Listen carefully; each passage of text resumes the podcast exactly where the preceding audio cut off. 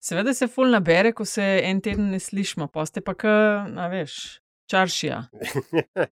K branjevke na trgu. Ja, ene volitve in par mladih labodov kasneje. O, dej povej. No, če sem obveščen, sem, ne, veš kaj, nekje v eni fazi sem to enkrat tako malo zašalo omenil, ne vem zakaj že res. In pa je to rad zanimivo, očitno za širši krok ljudi, zdaj sem redno obveščen. A ja, ti si si mrežo ustanovil. ja, ja, dobesedno, jaz imam labodje ja. poročevalce in zdaj slike dobivam uh, in sporočila. In ja, sej tudi na metinu listu. Opažanja, tudi to, ja, mislim, lepo, Ja, lepo. Le, hvala za, smo- za update. Zanimanje smo zbudili za eno zanimivo uh, živalsko vrsto, kaj ne rečem, počaščen sem. Mm. Hvala vsem Ja. za sodelovanje. Štajerska je pokrita tudi, ne? Ljubljana vsa obrežja. Sicer hotel sem to povedati, da v bistvu osebno nimam nič s tem, ne? ampak z labodi kot takimi. ampak zelo, lepo, lepo se je razvil, hvala vsem. Ja. Eno resno vprašanje za začetek, za vse. Uh, prvo majske, a so to eni najljubših praznikov za vas? Ja. Ali so kjeri ljubši? Ne, meni so, men so zelo ok, ne, zato ker sta uh, prvič sta dva praznika nekako združena, ne, drugič pa takrat se pa zima oziroma mrz nepovratno za nekaj časa poslovi. Tako da v tem smislu je meni to zelo ok. Ne. Meni pa še pikniki se začnejo, dopust, ne? kot dopust, takle, a ne. Moram pa priznati, da sem pa kot um, podjetnik, ne, sem bil pa zadnjih par let kar mal nevoljen, ker veš, kaj, pa, kaj mi pa ni všeč pri teh prvomajskih, ja, ampak to se je zdaj mal nehal. Ja, povej. Mostičenje. Uh, Ne, ne, ne, pač le, vse dopust lahko človek vzame, kadar če, to ni problem. Na drugi strani, a veš, ko ti hočeš kaj delati, ne, pa pa tam nekje se začne, kaj pa vem, 20.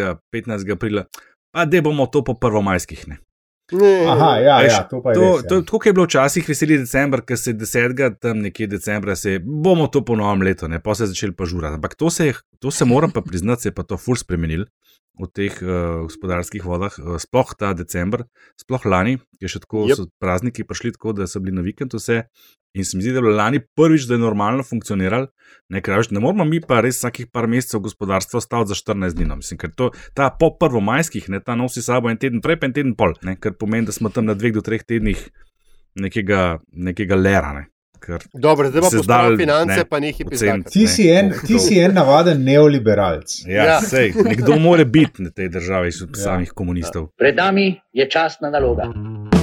Jaz uh, na takem formatu ne morem sodelovati, ker ne vidim v tem popolnoma nobenega smisla. Če bomo s to današnjo razpravo še dolgo časa nadaljevali, se pa zna zgoditi, da bomo ljudi odgnali. Malo me boste zrinili iz mize, gospodje, ampak hvala. Drugače mislečih je tukaj samo ene pari in vemo, kdo so.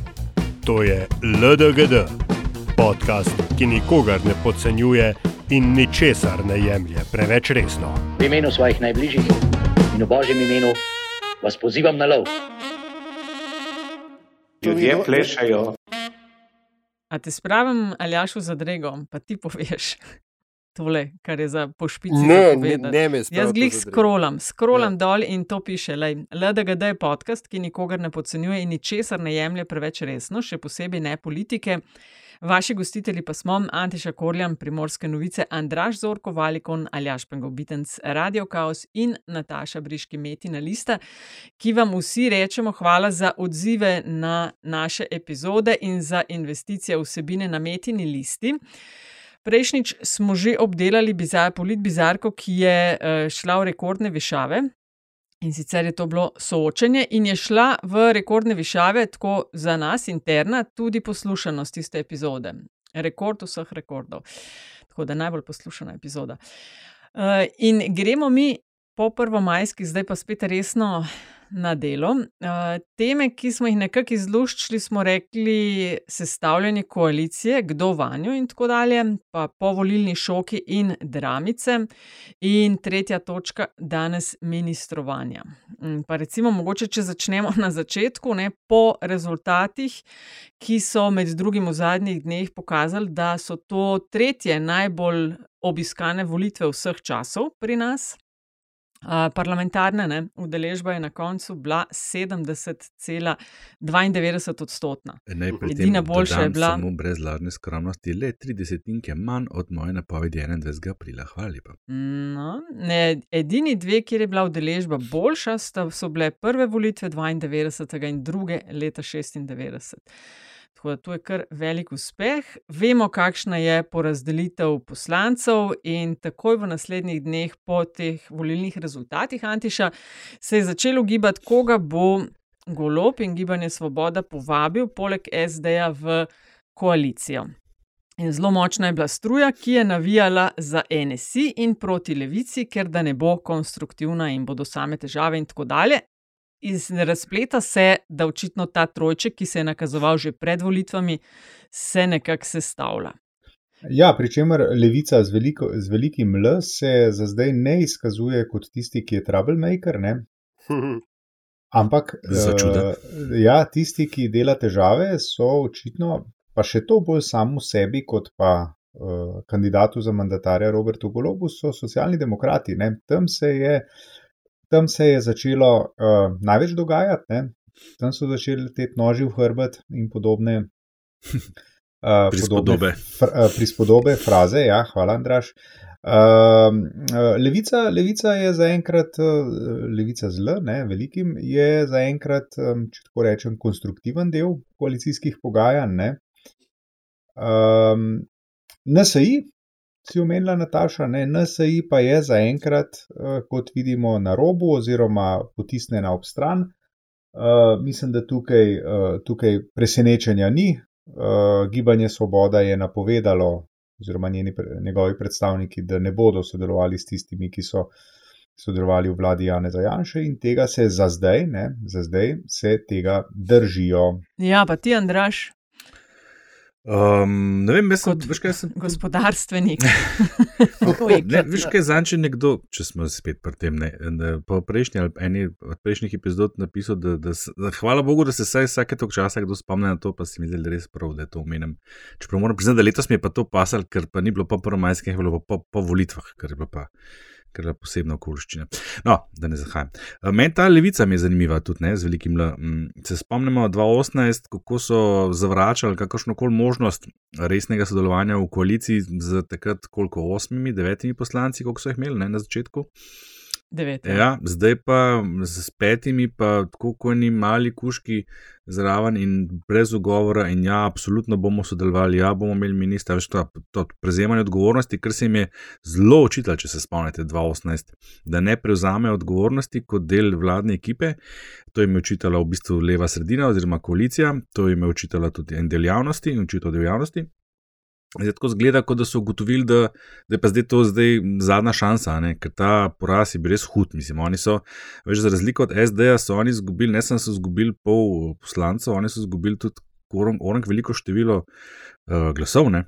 Ker SD v resnici ne, ni tako zdaj neki blazen poraz doživel, če malo relativiziramo. Ne? Zakaj? Ker ja, je, je slabš kot 2018. Ne? Ampak ni pa nič dosti slabše, kot je bilo 2014. Saj SD, če gledamo zgodovino, iz tistega, razen tistega izjemnega leta 2008, kjer so prišli pribežniki iz LDS, so bili oni skozi tam nekje med 6 in 10 procenti. ne. Tako da Po odstotkih so bili 2014 bolj slabši. celo slabši, ne? Tako je. 2022, Niso ja. šli na to zgodovinsko dno. Ampak oni, veš, od, od 92 naprej so oni skozi tle nekje. Ne? In, in to pravzaprav je to, so, to je njihov rang, ne? če tako pogledamo. Oni so pač samo izjemno spretni v tem, da kadarkoli je levo-sredinska vlada, so oni pač not, ne? imajo pa pozicije močne nekje drugje, zaradi katerih se, po mojem, tudi niso tako zelo sekirali, zaradi katerih je imela Tanja Fajon v resnici na tisti nedeljski večer kar, kar dosti iskren, sproščen nasmešek, za razliko od izraza na obrazu Luke Meseca, ne? kjer se je pa videlo, da je pa, da je pa to res jih prizadelo. Ne. Uh, in zdaj jaz- pač v tej luči gledam to sodelovanje v vladi kot ugotovitev, ok. Uh, Luka Mesec se je dal na tnalo, so rekli, ne, hočemo, da si še naprej ti, in izvršni odbor je preživel, in on je preživel, skratka, znotraj stranke ima očitno podporo, no, kljub tistemu ločenemu kordiševemu mnenju, in gremo v vlado. Zdaj je to, ne, zdaj je to edina šansa, zdaj pa gremo v vlado in bomo dokazali, da pa znamo, bomo vzeli ministrstva, ki jih lahko vzamemo, bomo pokazali, kako mi to delamo, ker je to v bistvu res edina šansa, ker če ne jih po naslednjih vol- volitvah ne bi bilo več. Je pa Vprašanje pa je, samo da dokončam, kaj se pa zgodi sorry. ja, znotraj stranke. a ne, Zdaj, oni so očitno imajo enotnost med poslanskimi, se, hvala Bogu, če jih je pet in mogoče to malo lažje. Pa, pa v izvršnem odboru, pa v teh organih stranke, ki so dali podporo temu. Ne. Vprašanje pa, kaj se lahko zgodi z Kordišom in njegovimi. Ne. A bo tukaj konsens, a, kompromis ali bo kakšen razpad. Ne. Ki ne bi bil prvi pri tej stranki. Ne? Spomnimo se, enkrat so se že cepili. Ne? Uh, veš, pa je, mogoče je treba na tej točki sam pač to, ker je bilo to eh, štefično izhodiščno vprašanje, večkrat obračunati z to mehanicistično logiko uravnoteževanja koalicije. Ne? Eh, sploh um, liki blizu NSI uh, to stranko stalno prodajajo kot um, stranko zmernega centra, neki ekonomski liberalizem, ne, ki zna ustvarjati tri pikce, tri pikce, ne, se ne da so bili ravno v vladi, ki je na veliko trošila, ne da bi vedela, odkot bo vzela. Uh, ampak predvsem to, veš, uh, politično je bila NSI vsakeč, so, tako, skoraj vsakeč, v resnici vir nestabilnosti. Ne. Če se spomnimo leta 92, ki je Drnovšek eh, delal koalicijo z LSD. 96 ali 96. Ne, ne, ne, takrat, unaprej, ki je moral, veš, ki je moral podpisati dve ločeni koaliciji. Aha, ja, ja. ja. Ne, a veš, ja, to, ja, so, ja, so imeli, so imeli ja, krščanski, so imeli problem s tem, da bodo delali s komunisti. Ja. Pa je bila ločena koalicija. Leta 96 je zaradi združevanja SLS plus SKD njegova vlada potem razpadla. Ne? In, in uh, potem. Še prej se je pa putsko zgodilo. Še prej se je putsko zgodilo. Ampak, um, če govorimo zdaj o NSA-ju kot o kot kot resnični naslednici uh, uh, SKD. -ja, Veš, in, in tudi potem, veš, leta 2000 so bili pač, um, v Bajukovi vladi ministri iz te stranke, kot in kot problematični za Janšo, uh, in tako dalje. In tako dalje. Skratka, ta teza, da je NSI zdaj klej nek stabilizirajoči faktor, v resnici ne zdrži neke zgodovinske presoje. Ne? Tako da uh, je lahko, pač, mislim, da mirno bo spravimo v predal. Se pa seveda strinjam s tem, kar sta uh, in Andraš in uh, Antiša drugače rekla, da je mečken presenetljivo, ne? da ta hip, uh, mislim, presenetljivo za konvencionalno gledanje na politični prostor, da je levica ta hip, the adult in the room. Ne? Poleg A se je komu od vas ne? zdelo, jaz v to sicer nisem verjela, sploh glede na kohezivnost, ki so jo kazali pred volitvami in v tem skupnem boju, da se prekine vladavino Janeza Janša. Se vam je sploh zazdelo, kljub močnim pritiskom, da golob resno bi razmišljal da ne bi levice vzel, vzel ali pa vsaj povabil, pa če se oni sami ne bi odločili, potem šel naprej v pogajanja s kom ja, drugim. Ja, mislim, mislim, ta, Meni se to ta, ni zdelo. Ta, ta, ta slednji scenarij se mi, se mi je zdel čist realen, ker če bi se pač levica ustrelila v koleno po scenariju, kot ga je prej potencialno opisal uh, Andraš. Ne? Je, uh, bi imel golob, kar se mene tiče, proste roke pri tem, da bi iskal uh, dodatno večino na drugi strani uh, političnega spektra. Ker potem, ne, če bi levica rekla, tudi tokrat ne gremo zraven, poj s kulom konc. Pa se jaz mislim, da bi on to tudi počel. Ne? Jaz mislim, da bi on uh, iskal mostove na, NS, na stran, na desnico, ne? desni center. Če v predvoljivni kampanji ne bi bilo tako, tako decidirano rečeno, se upravičujem za uporabo tujke, da z njimi pa ne. Jaz mislim, da bi on točno to naredil, zato ker bi po eni strani bi s tem, um, mislim, da je bilo to tudi tukaj že povedano, osamil bi SDS po eni strani, po drugi strani bi uh, sporočil Tani Fajon in Luki Mestu, da sta močno, močno nadomestljiva. Ne? Po tretji strani bi pa tudi za lastno politično persono naredil, um, se mi zdi, vendarle kar precej, ker bi um, se izkazal kot tisti, ki lahko gre in naredi korak čez uh, iz lastnega političnega tabora, če gre za dobro oziroma stabilnost države. Ti, ampak se, mm. to je v bistvu tudi tako malo uh, z vidika strategije. Da, okay, po eni strani itak je govoril vse čas, da cilja na, na dvotretinsko večino, da cilja na neko veliko koalicijo, stabilno, da, da cilja na dva mandata, ne na enega. Ampak pri tem rezultatu, ki ga je dosegel, ki mu je tako malo zmanjkalo, veš, če bi eno ali pa drugo vzel, bi bilo načeloma dovolj ne, v koalicijo. Priješ čez 46, Desno. čez 45. Ne. Ampak pa si skozi, mislim, pa imaš enega, kot prvo, enega od teh, ki, ki je tebi blizu v opoziciji, ne, kar ni fajn. Ne. E, po drugi strani, daješ večjo moč unemu, ki bi bil s tabo v koaliciji, če bi bil recimo samo SD. Ne ki bi lahko več časa eh, govoril, a več ne govoril. Mislim, skozi ima malo to pozicijo, pol, jale, če ne moš li pa ven, ne, pa, pa ti spadaš ne res, ne greš pa k drugemu. Tako da, če imaš oba naenkrat not, morata pa ta dva vmes ravnoteže vzdržvata. Ne? In nimaš v poziciji nekoga, ki je načeloma na podobnih stališčih kot ti. Tako da to je bila edina logična poteza, po mojem. In po tretji strani, po mojem, imaš 41 poslancev, od katerih jih je samo pet enkrat sedelo noter, vsi ostali so novi in verjetnost, da bo v naslednjih nekaj letih bilo nekaj prebegov, bodi si v Tudi ene to, ja, stranke na tudi levi to, ali ja, na tako, desni, je tako. tako. Pet v naslednjih dveh, treh letih, gotovo. Bo, Ja, to je, bo- veš, to je odvisno sicer, ne? Uh, odvisno je pa od tega, kako zadovoljne, uslišane, ljubljene, če hočete, se bodo oni počutili v, uh, v okolju gibanja Svoboda. Če se bodo oni počutili dobro, če bodo svoje cilje lahko zasledovali, potem jaz mislim, da um, bodo sledili rekel, interesu lastnega žepa in teh preskokov ne bo. Ja. Uh, Če pa, bo, če pa bojo razočaranja, če pa bojo, če pa bojo dosti hitro po- potisnjeni na stranski tir, potem pa seveda lahko o tem Mm. uh, govorimo in pričakujemo to. Ja. Ko si že omenil lasten interes, ne, um, zanimivo bo, po mojem, gledati, kako se bo Nova Slovenija zdaj obnašala v, v opoziciji. Ne. Ker um, pač ta privezanost Mateja Tonina na Jana Zajanša, recimo, da je bila v vladi še nekako razumljiva, čeprav mogoče um, politično ne tako modra dolgoročno. Ne. Uh, me pa zanima, kaj bo zdaj. A veš, ali si bo upal ali pa hotel izstopiti iz njegove iz njegove sence Janševe, ne?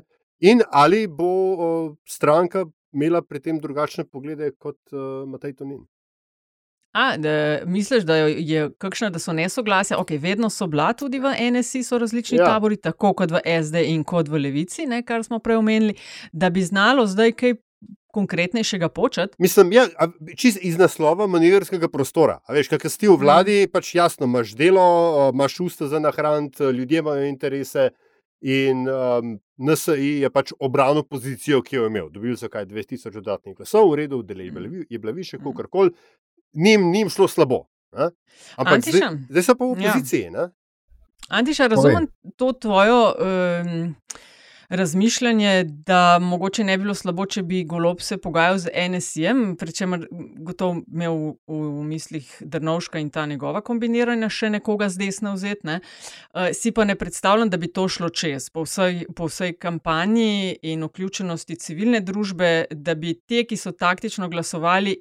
In ne dali, ne vem, piratom, vesni, levici, sabo, LMŠ-ju, dali svobodi za to, da tisti, ki so bili prej, ne bi več, si ne predstavljam, da bi to šlo uh, gladko čez. No, ampak ja, Ne, v politika tej fazi, v- veš kaj, je, je, se strinjam s tabo, ne? v tej fazi gotovo ne.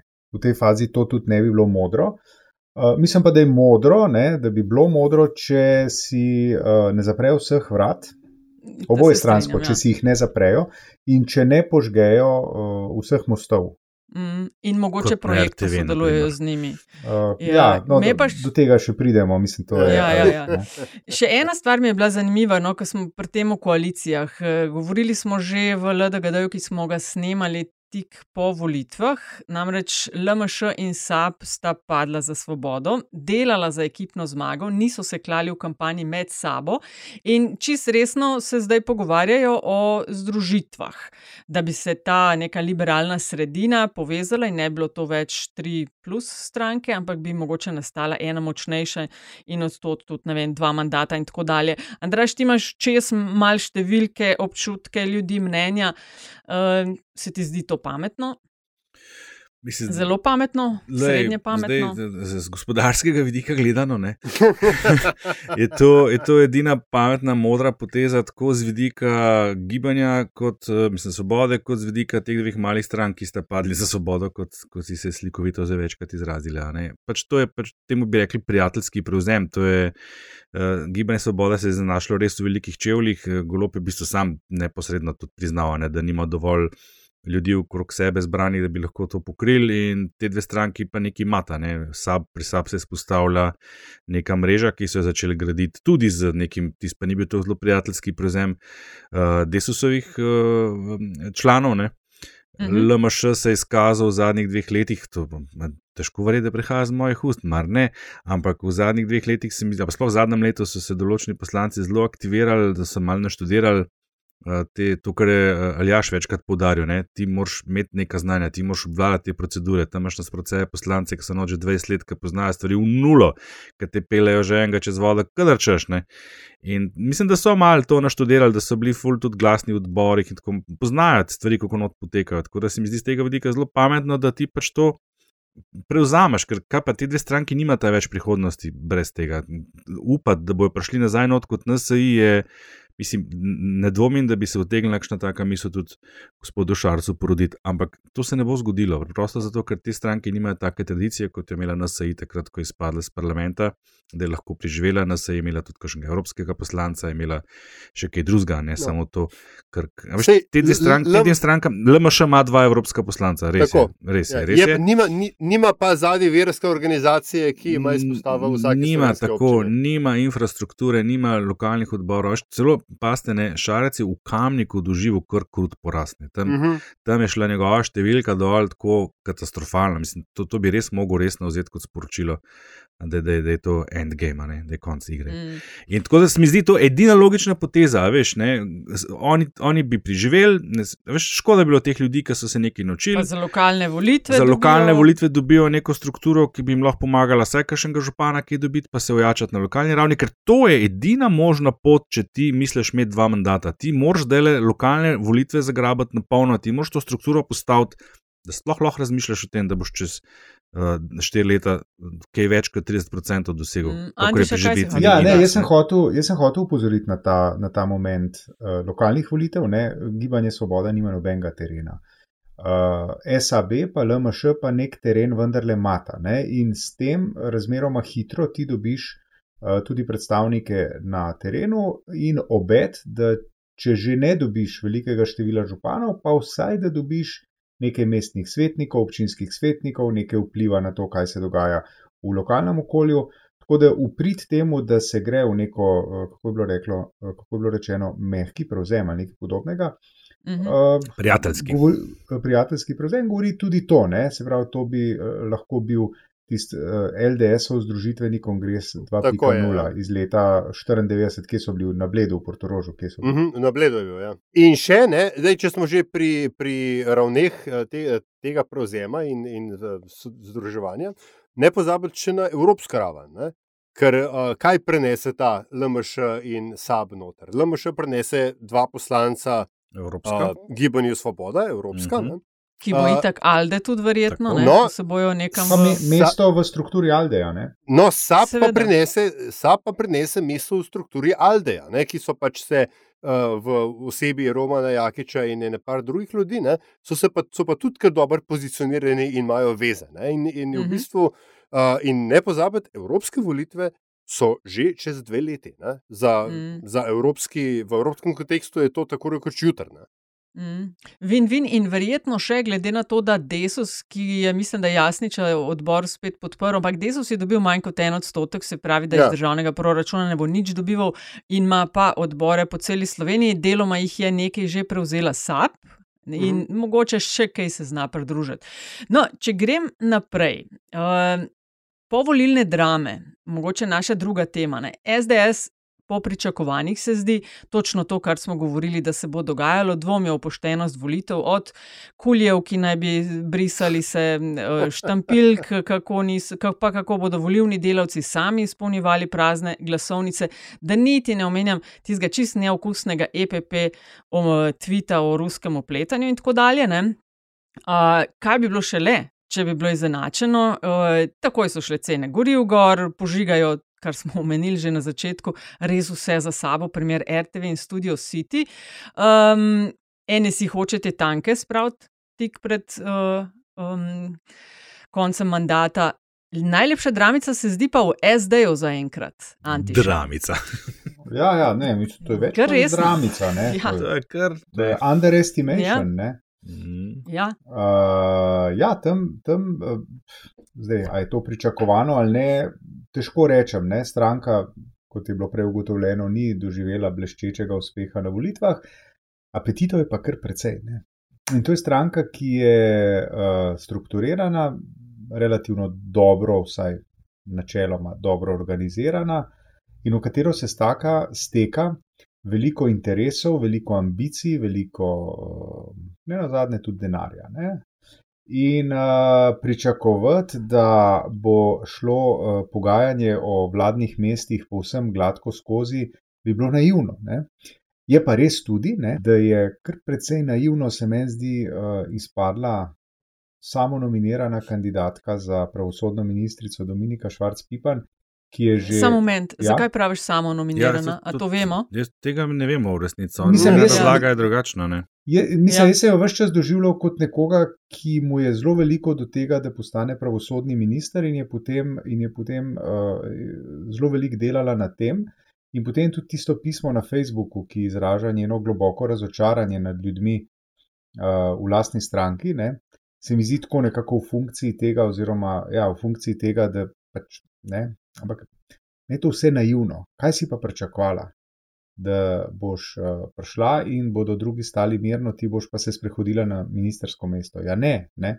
Mislim, če, imaš, če, če stranki velikodušno ponujajo štiri uh, ministerska mesta in je eno, zdaj, kot se kaže, rezervirano za Tanjo Fajon in sicer uh, Ministrstvo za zunanje zadeve, ostanejo tri interesov in starih mačkov, ki bi si želeli imeti svoje ljudi ali pa celo biti na, na ministerskih mestih, ali pa so nekoč že morda bili, ne, je pa kolikor jih hočeš. Tako da jaz to z zanimanjem opazujem. No. Ja, mislim, kot sem nekje pripomnil, ne, um, tukaj pač SD je tukaj SD. Ne, in, in uh, ja, seveda bi bilo naivno pričakovati, da se ne bi. Da ne bi tudi strankarski interesi čist ne, znotraj strukture uh, pokazali. Pokazal. Zelo je pa verjetno vendarle treba, uh, če smo že pri imenih, ne, Sveda se strinjam tudi, da je Dominika Švarc-Pipan Klemičkan mogoče preveč izletela na čestino, ne glede na to, ali se je sama zares ponujala ali ne. ne. Zdaj pač vemo, da ji to pride do živega, ne, eh, taka situacija in da bojo njeni zoporniki v stranki to z veseljem naprej izkoriščali. Ne. Ampak, veš, v tej zgodbi je pred, um, se pravi, pred del te zgodbe je bil tudi zelo oportunističen odstop Jrneja Pikala z mesta podpredsednika, ne, ki je rekel, da, je pač, da nekdo mora prevzeti odgovornost za slab rezultat ali nekaj tasga in je implicitno dal vedeti, ne, da bi po njegovo morala Tanja Fajon odstopiti. ne. In se mi zdi, da je ta zgodba z Dominiko Švarc-Pipan v bistvu samo nek um, offshot, ne, ne, nek spin-off uh, večjega fajta v stranki, kjer uh, razočarana frakcija po kongresu uh, išče zdaj priložnost, da bi Tanja Fajon odžagala, še preden bi se delili ministerski stavčki. Hočeš reči fajt med bolj progresivnim krilom SD-ja in tistim delom, ki ga SDS brani in ki navija za veliko koalicijo že leta in leta? Mislim, gled, to, da je Janez Janša Janja prednika odkrito hvalil v soočenjih, ni ostalo neopaženo. Ne? Uh, Tisti, ki smo že pri naivnosti, ne, um, se mi zdi pa izjemno naivno, ne, da bi pač ljudje, ki so bili hvaljeni, ali krok ljudi, ki tega ki hvaljeni ljudi podpira, ne, um, da bi te geste jemal zdravo za gotovo. Ker a, a obstaja še stranka, ki je Janša ni prežvečil in izplunil v kakršni koli obliki. Mogoče glih samo še SD. A pa res hočete, da se to zgodi? Klemen ni jasen. Andraš, kako pa ti to vidiš? Pa, mislim, Zanimivo je opazovati, ja, zdaj, kot je bilo uvodoma rečeno, zelo SD-ovsko je bilo že, ko smo snemali, ali pa še malo predtem. Ne, to ni nič nogo v resnici pri tej stranki. To se je vse čas govorilo, da ta stranka ne, ne gre nikamor, ker še zdaj niso uredili teh notranjih klanovskih bojev. Ne, tam je eni pravijo, da so celo štiri, pet klanov, ki med sabo tekmujejo. Ne, eh, da potem, ko nekdo izgubi pozicijo, ostaja zamerjen nazaj, za nazaj in tako naprej. Ne vem, če Dominika Glih naivna v smislu, da zdaj pa uh, pričakovala ne vem kaj. Ne? Kot sem jaz razumel, se je ona začela umenjati v, v, v medijih.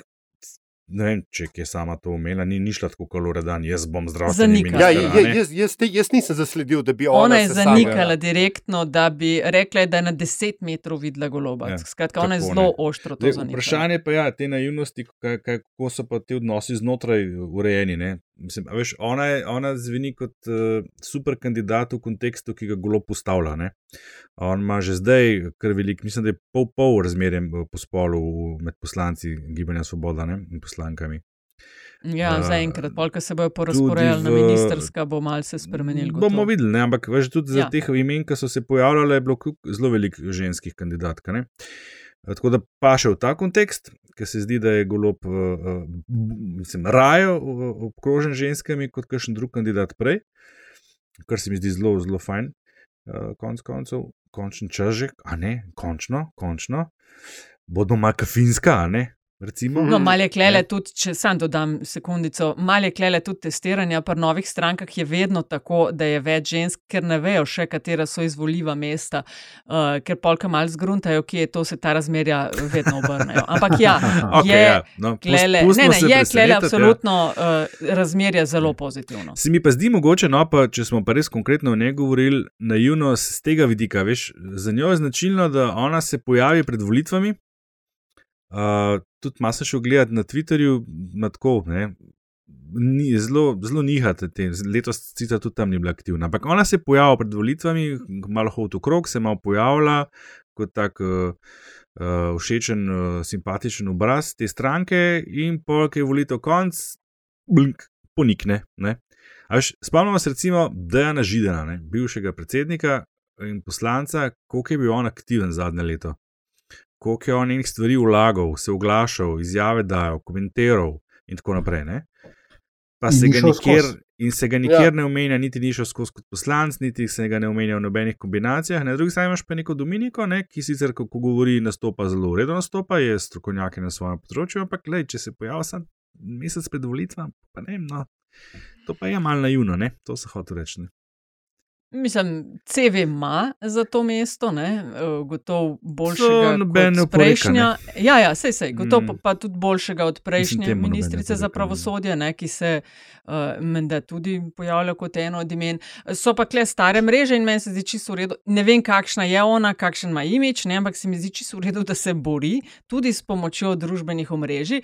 Kar mene malo zabava, je, ko se eh, piše v povezavi z predsednico stranke Fajon, kako si nasmiha Ministrstvo za zunanje zadeve. Zdaj, to nasmihanje. Meni je to ena ista kategorija kot ministerski stolčki. Ne. Mislim, da bi bila na loteriji. Predsednica močne stranke je, brez SD golob, zares ne more sestaviti koalicije in si bo pač vzela, kar želi, in prav je tako. In ona je najbolj kvalificirana od vseh ministrstv za ministrstvo za zunanje Sam veš zadeve. kaj, Nataša, ta izraz nasmiha se je, ne? glede na to, kaj ministri doživljajo, ko postanejo ministri, kakšno ja. mehko plačo imajo, bi v bistvu pravilni izraz bil grozi ministerski, Grozi, Ja. ja. grozi ministerski položaj. Ja, Nasmiha Ne, če sem, eh, jaz bi tukaj imel samo, če sem jaz ta izraz uporabil, lahko da sem ga, ne vem. Ne, ne, ne, ne, nisi ti. A nisem, ti. ok. Ne, No, ne, ker ne, to je, ne, ne. ker to je kliše. imej Članki vseeno, različni. Ja, in če, sem, in če sem ga uporabil, se upravičujem, ker klišejev pa res ne maram. Ne? Ja.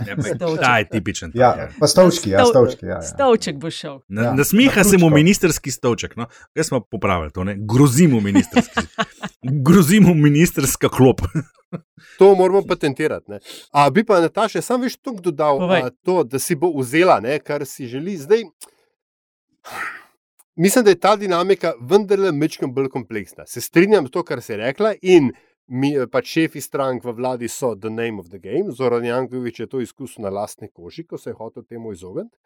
A, ji- mislim pa, da je ta razmerje eh, sil vendarle toliko uh, v prid Roberta Goloba in gibanja Svoboda, da se zna, obstaja, veš, obstaja realnost, kjer Tanja Fajon ni zunanja ministrica, ampak je pač ministrica za nekaj drugega, kar se drugače ne zna sestaviti. Tu- Tako da čust. Kled, Teoretično ja, Ja. ampak v štartu se ve, kam se je pozicionirala No, no, seveda, in veš ja. tudi, da, je, da stoji tam, kjer Jaz bi, redu, jaz bi je pa- tukaj rekel, da je veliko odvisen, uh, mislim, kako se bo izteklo. Se mi zdi, da je veliko odvisno od Roberta Goloba in njegovega karakterja oziroma njegovega načina dela.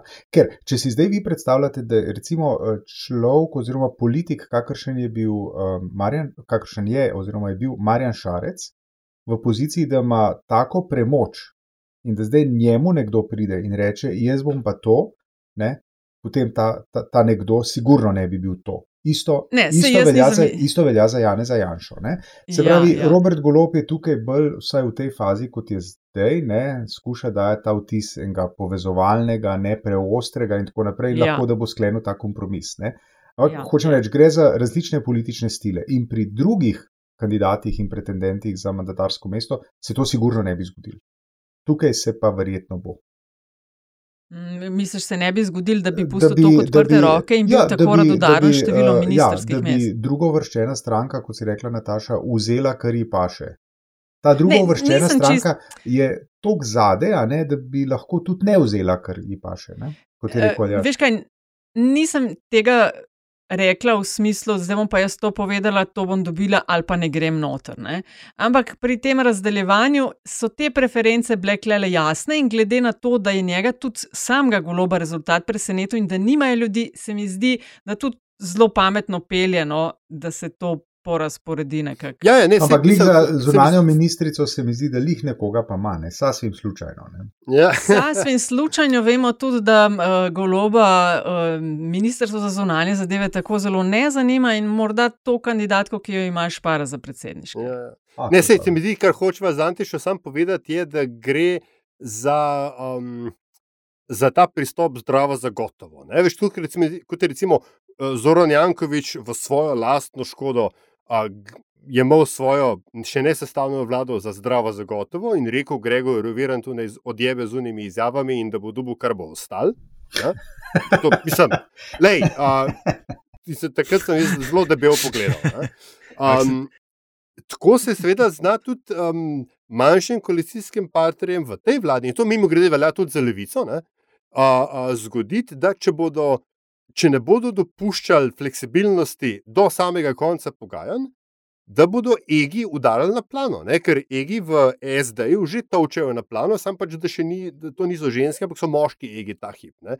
Ampak stvari se znajo uh, uh, zakomplicirati in ker govorimo o levih strankah, ne, streljanje v koleno je drugi naj, najljubši šport teh strank. Tako Da, Ti, ko govoriš o kompliciranju, ne, naj nas spomnim, ne, tako kot so golobi en feature LDGD-ja, 10. maja, veste, kaj bo. Ne? No, če še ne, retrogradni Merkur. Zdaj bi že lahko to spremljali, Benti. Tako da zdaj pa se pravi, hočeš reči, da Deset- mora golob hitro zaključiti. Ne, nasprotno, od 10. maja do 2. junija je retrogradec in on, mislim, da so rekli, da do 3. junija ali nekaj takega, Ja, ja, da ja, upajo, ja. da bi štartali z eno. No, skratka, lahko si obetamo, da bodo naslednji tedni še zelo, zelo, zelo divji. Ampak je pa pametno šel v to, da ne bo pred tretjim, ko bo konc retrogradca karkoli razglašal. Ne? Se pravi, se je posvetoval z dežurnim astrologom Posvet- in astrologinjo. Glej. In, ja, ja, ja. Jaz mislim, da, da bo do takrat več kar kot vse jasno, veš, Nataša. Ne bo treba niti razglašati, ker bo že vse razglašeno. Se mi zdi. Razglašeno, kjer Razglašeno. Ja, razglašeno kot, um, bom se zatekel v angliščino, announced. Ne. Ej, se mi zdi, da nam super gre in da gremo lahko pravzaprav na polit bizarko. Vemo. To je bilo pa hitro danes, to je samo Ja. 35 Če se minut. tep mudi, Andraš, ne se zdaj Ja. odveš, tep se mudi. 37 minut, se zabavate, jaz Ja. imam še 24 minut do sestanka. No, pa, pa povej, kaj želiš še dodati v luči veš, tega, kar smo. Občutek, da smo nekaj pozabili, pa se ne morem Ja, spomniti. ena kaj. tema je še bila, nekaj se je napovedala. Nekaj, nekaj. Ja, smo ne, se sem nekoga po smo volilni pozabili. šoki drame, SDS kar dela, NSI smo tudi kar obdelali. Uh, Mogoče se nismo dotaknili, mogoče se LMŠ. nismo dotaknili tega, kar dela SDS oziroma kar dela vlada. In to SDS. je, To nismo šli. Ja. Ja, to, Ja. to je pa, to, je pa, SDS, ja. pa to podtikanje, podtikanje um, min, ne, jaz bi rekel temu uh, grajenje enega minskega polja, na katerega bodo uh, tisti, ki bodo na novo prišli, zagazili tako, bolj ali manj na polno.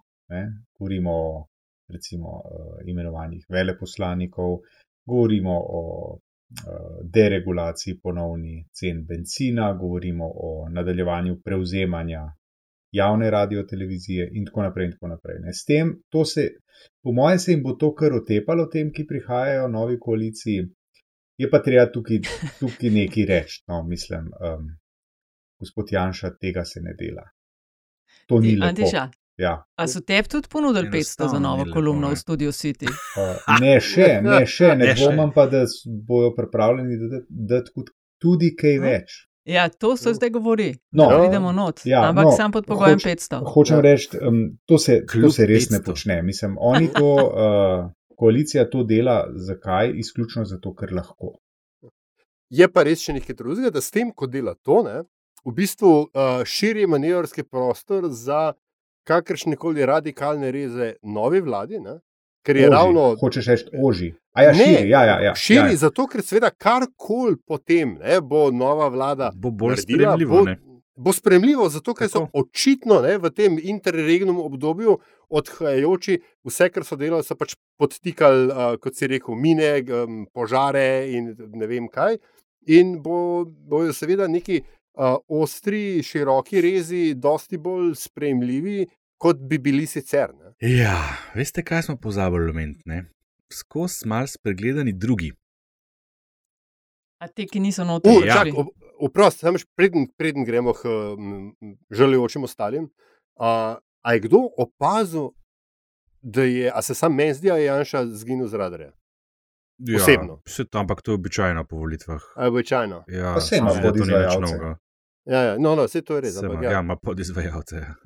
ja. je šel malo na relaks. Ja, ja. Vse prav, človek je trdo delo, pa še pušil nekaj krinskaj. Samo prvo še malo dopusta. Ja, kaj si hotel Ja, veš, kaj reči se mi zdi, tudi, da so po teh volitvah smo bili vsi tako šokirani nad razpletom, se mi zdi. No? Mislim, da, ni- da, čeprav smo napovedovali, ne, smo rekli, tudi naši napovedi smo dali, ne, eh, te dve, 100%, te tri skoraj zagotovo, lahko rečemo, da ja, ostali pa so že pod vprašanjem, ampak vse je bil mal šok. Eh, Na, na, na delski večer, da je samo pet strank, eh, najmanj v zgodovini, da smo, imeli, da smo dobili stranko z največ poslanci v zgodovini, da, da smo dobili stranko z največ absolutnimi glasovi v zgodovini. Taki rekordi, so, presežki so padali in vsem tem smo malo spregledali, kaj se je zgodilo spodaj, pod robom.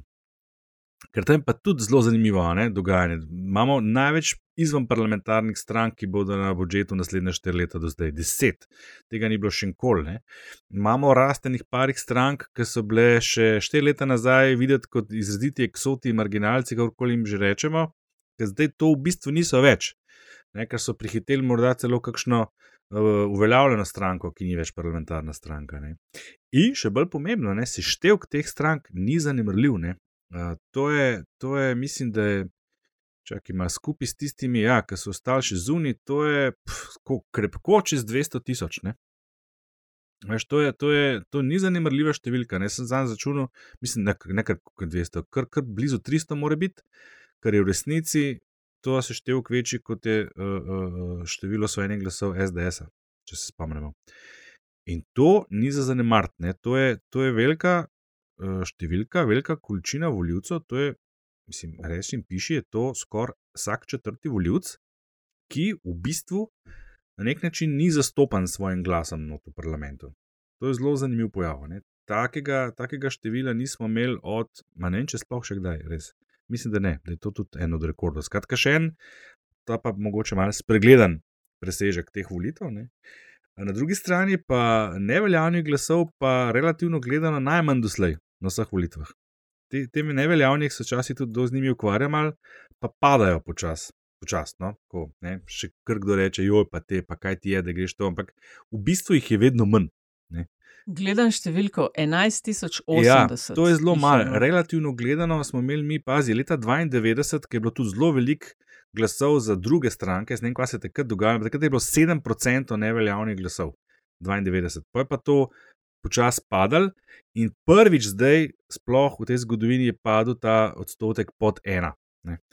Tako tega, tega je vedno manj, uh, tam pa spet rastemo pa na tem drugem. Veš, to eno sporočilo teh volitev je bilo, ok, menjava vlade za vsako ceno, dobesedno, drugo pa dovolj imamo tega, ne? ker teh 25% tam, to pa ni šlo globo, niti SDS, ne?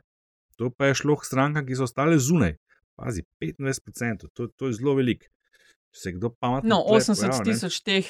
80 tisoč teh, to je LMŠ, pa, Pa SAP, ja. je šlo gol golobo. Ja, pa, Rec, mislim, šlo golo. recimo, no, ja, ne, v karikirano. Ja, ne. Ampak se tudi ostale stranke, veš, tudi resnica za zdravo družbo, ki min grede prihitela, ja, Ja, sem ja. videl uh, LMŠ na, na ambasadah, pa SAP celo. Ja.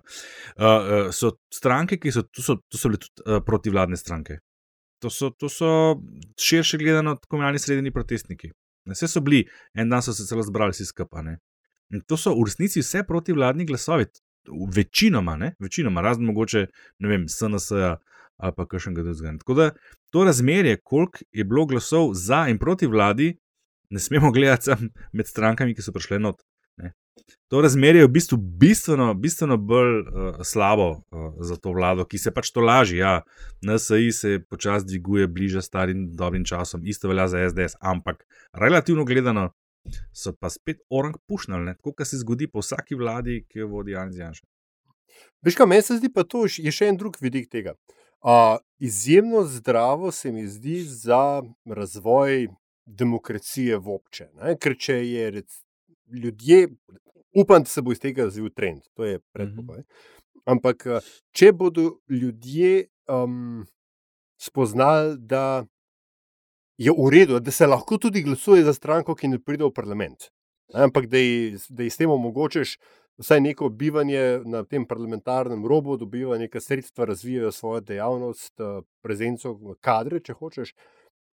To potencialno lahko širi bazen um, političnih opcij, ki so na voljo. Kar je pa nekaj, kar se mi zdi, da pač v Sloveniji krvavo potrebujemo. To je zelo dober demokratičen proces. Ne?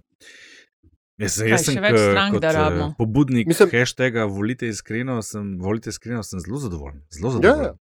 Mislim, Ne, kaj je- si mislil, več Tanjša, strank? r- Rabimo še več strank, oziroma rabimo okay. druge stranke z drugimi ljudmi, z drugačnimi, mogoče včasih tudi nepotrebnimi pogledi na svet. a Veš, en, enostavno, mi smo, mi, mi smo ostali, pač mi, mi balinamo znotraj nekaterih klasičnih um, strank, ne samo uh, ideoloških pogledov. A veš, zdaj te stranke, kot so recimo resnica, pa take, ne, te, ki so ostale v zunini, kaj je zdaj boljše, ne, da so tle na tem, niso prišli v državni zbor, ok, ne morejo Mhm. uh -huh. more reči, da imajo zastopnika, imajo pa proračunska sredstva, ki jim omogoča neko vrsto delovanja, imajo, eh, lahko si vzpostavijo infrastrukturo, tudi oni lahko vlagajo pobude v državni zbor, če se Ja, ja, ja, a ne?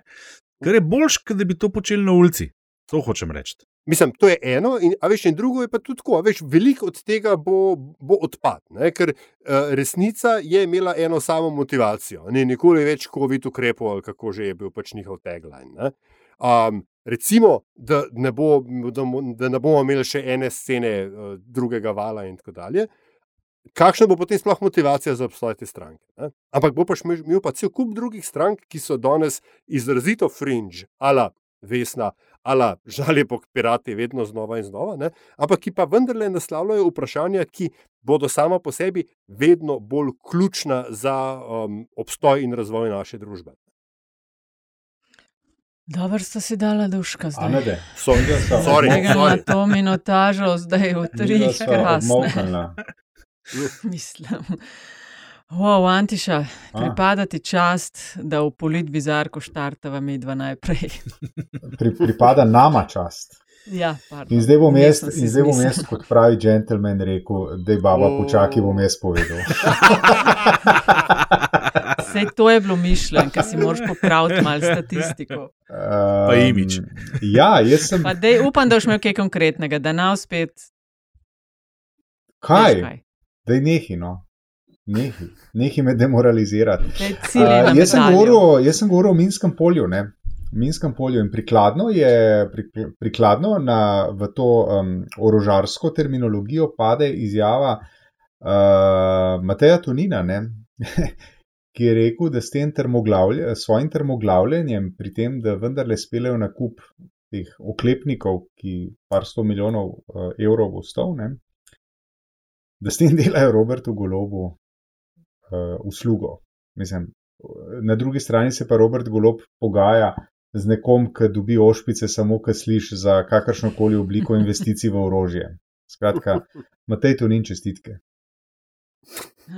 A si rekel čestitke za zmago, Ne vem. bizarki. Moja bo pa uh, v luči tega kadrovskega razreza in potencijalnih ministrov, seveda, kroži tudi ime koordinatorja levice, med drugim kot ministra več ministrstv, no, ampak kot ministra za delo, družino in socialne zadeve, in se mi zdijo precej bizarni očitki na njegov račun, ki prihajajo z desne, kako bo lahko področje z družino ali pa naj bi področje z družino z ekipo urejal nekdo, ki nima ne žene, ne otrok. Tako da bizarka moja se nanaša najprej, no, seveda, vsem, ki ste prespali zadnjih sto let, Guten fucking Morgan ob tem. Uh, moja bizarka pa so pravzaprav vsa ta talabanja, ki se bodo v naslednjih dneh in tednih pojavljala pri imenovanju različnih ministrov in ministric, ki primernost kogarkoli na ministerske funkcije pogojujejo z, uh, ali pa omejujejo, skušajo z njihovimi osebnimi okoliščin, okoliščinami, ne vem, invalidnost, vera, odkje so starši, zakonski stan, spolna usmerjenost in tako dalje. Tako da moja bizarka je to. Preach, sister, preach. Ja, a grem jaz. Pet, pet. Jaz sem hotel dati v bistvu nesojen, nesojeno oddajo studio Vida. Uh, ne zaradi Vide Petrovčič, ampak zato, ker se je skazalo, v bistvu, da so po mojem načrtno pustili to informacijo en dan v obtoku, zato da lahko zdaj govorijo, kako Boga žrtev Vide Petrovčič in kdo se, da se je na njo spravil in da je grozijo ne vem kaj. To se mi zdi izjemno podlo. Ampak ne bo ta bizarka iz večer, vendarle prevagal gnev, da ne rečem skoraj bes, nad še eno tako odločitvijo vlade, kot smo jih bili vajeni zadnji dve leti, namreč odločitev o predstavljanju zimskih počitnic.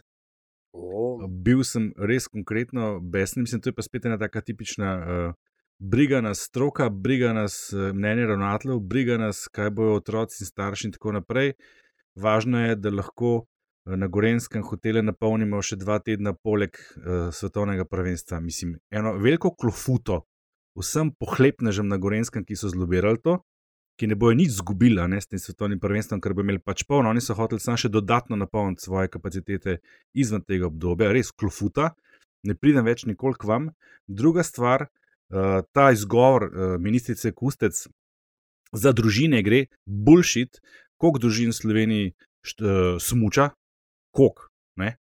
Zdaj pa se štejte vse ostale družine, ki bodo imele zaradi tega premaknjene, uh, utečene rituale, počitniške, konc koncev, konc februarja, mislim, smuča jih res mal.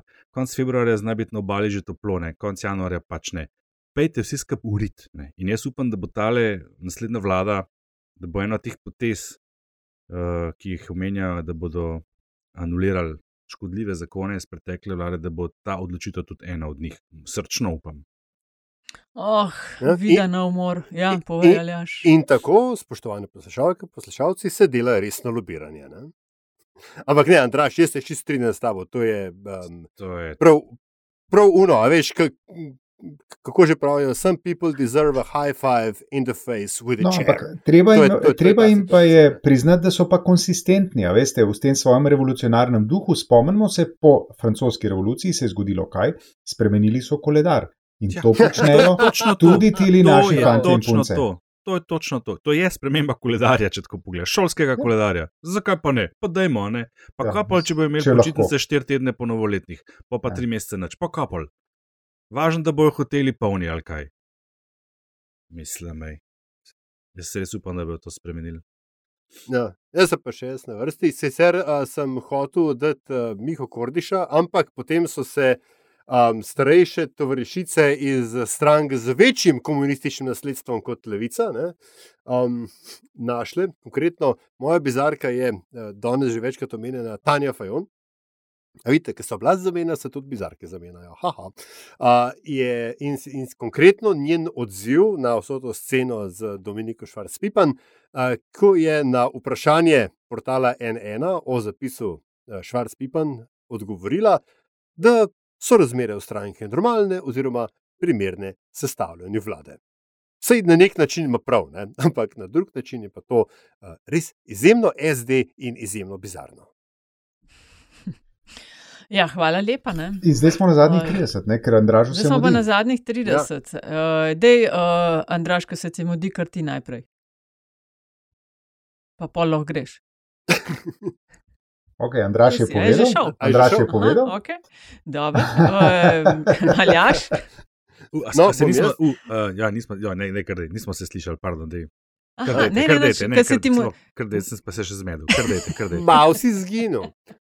No, prav bom pa jaz vendarle začel z, z zadnjih 30, v bistvu zato, ker uh, imam nekaj admina za narediti, kot se temu reče. Najprej uh, se moramo samo opravičiti za rahlo slabši zvok naše emergentne povoljivne epizode. Res ni šel skozi zadnji filter, kar ste tisti, ki ste opazili, sem posebej upravičujem, vsem ostalim pa nasplošno upravičujem. To se zgodi, če montiraš tam do dveh zjutraj in pa jebi ga. Ne? Ampak zdaj pa še druge stvari.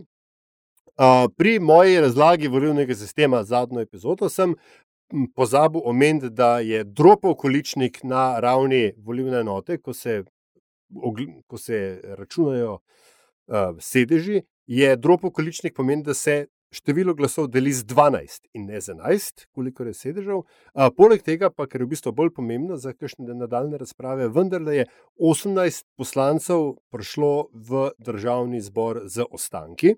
Čeprav sem rekel, da jih je bilo skoraj vsi, da so bili izvoljeni direktno, niso bili, 18 so je prišlo v, z ostanki, in pa uh, vsi poslanci Levice, vsi poslanci SD-ja in poslanci Nove Slovenije, razen Mateja Tonina, so bili izvoljeni z ostanki. Tako, če se boste kdaj hoteli postaviti v šank debati, to so dosti dobri detajli. Mm, Okay. Mm, ja, jaz pa bi samo opozorila, ker danes je petek, ko je šla ta epizoda 6. maj. 7. maj je pa, če ste slučajno ga spregledali, ker zadnji dve COVID-ni leti sta um, pustili posledic, uh, največjo športno-rekreativno prireditev pri nas, pohod po Obžici. 64. izvedba, to je krasen pohod okoli Ljubljane, kjer je med drugo svetovno vojno ostala žičnata ograja, najprej italijanskih, pa potem nemških okupatorjev, tam okrog 35 km, prijave za tek trojk so, ste žal že zamudili, to je bilo v drugi polovici aprila, ampak še vedno pa lahko greste na ta pohod, ki je res eden, takoj za pohodom po medvedovih stopinjah, eden najlepših. Bo pa vreme slabo, pravijo. Ne? Ali ni še Slabše se kaže, ja. Ja, jaz bom. Um, um, stari prdec v meni ne, se bo še malce zgražal nad, uh, nad jezikom, ki ga občasno uporabljamo. Uh, op opazil sem namreč, da se je v slovenščino počasi v zadnjem obdobju prikradla fraza, da bo nekdo nekaj naslovil.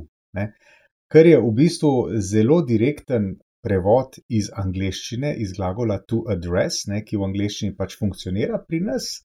Pri nas pa deluje tako kot en tak dosti neposrečen novum. Ne? Nasloviš lahko pošiljko, nasloviš vem, pismo, razglednico, karkoli. Ne? Ko gre pa za teme, je pa mogoče bolj reči, da se bomo njim posvetili ali pa da bomo dolžno pozornost posvetili določenim temam in tako naprej. Ja, vem, zvenim kot nekakšen boomer, kot sem bil nekoč že obtožen. Ne?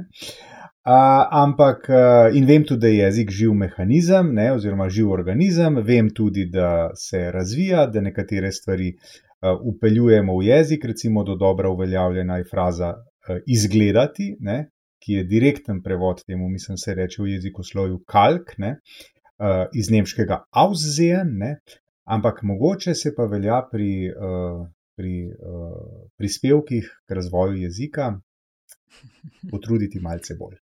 Izogibati besedi, nasloviti. Ja, veš, da sem par dni nazaj z eno lektorico imela to debato in je isto so o tem govorili in je rekla obravnavati. Recimo tudi, Ne, ja. ja, recimo, recimo ja. tudi, ja. Okej. Hvala. Okay. Ajde, Draž. Um, jaz bom po zadnjih 30 naslovil eno pomembno temo in sicer bi se rad zahvalil vsem deležnikom, ki Še ena, manj, še ena. manj opazni, so pa zelo pomembni za nastajanje našega podcasta. Namreč zelo uh, resno in konkretno hvala eni Tamari eh, za spodbudne besede, ki sem jih zanj bil deležen. Hvala drugi Tamari za komentarje in kritike, ki jih je redko kdo sposoben tako iskreno povedati. Hvala seveda večnemu carju številk Slavkotu za redno, sprotno poslušanje in uživo komentiranje našega podcasta in še marsikomu, ki ste mi direktno povedali v zadnjem času, kaj si mislite, ali pa kasneje, ali pa ko smo se srečali, ni vas malo, ker je zelo fajn. Uh, Radi vas imamo, lepa hvala za vse feedback, meni to res veliko pomeni, še posebej, če je zelo iskren. Uh, stanimo tako še naprej, lep pozdrav. Uh, hvala lepa za poslušanje. To bo 93. epizoda, je to LDGD. -ja. Do naslednjič, adijo. Čau. Pa pa. Kašno dio je bil pa to. Pof. Odlično. Ne?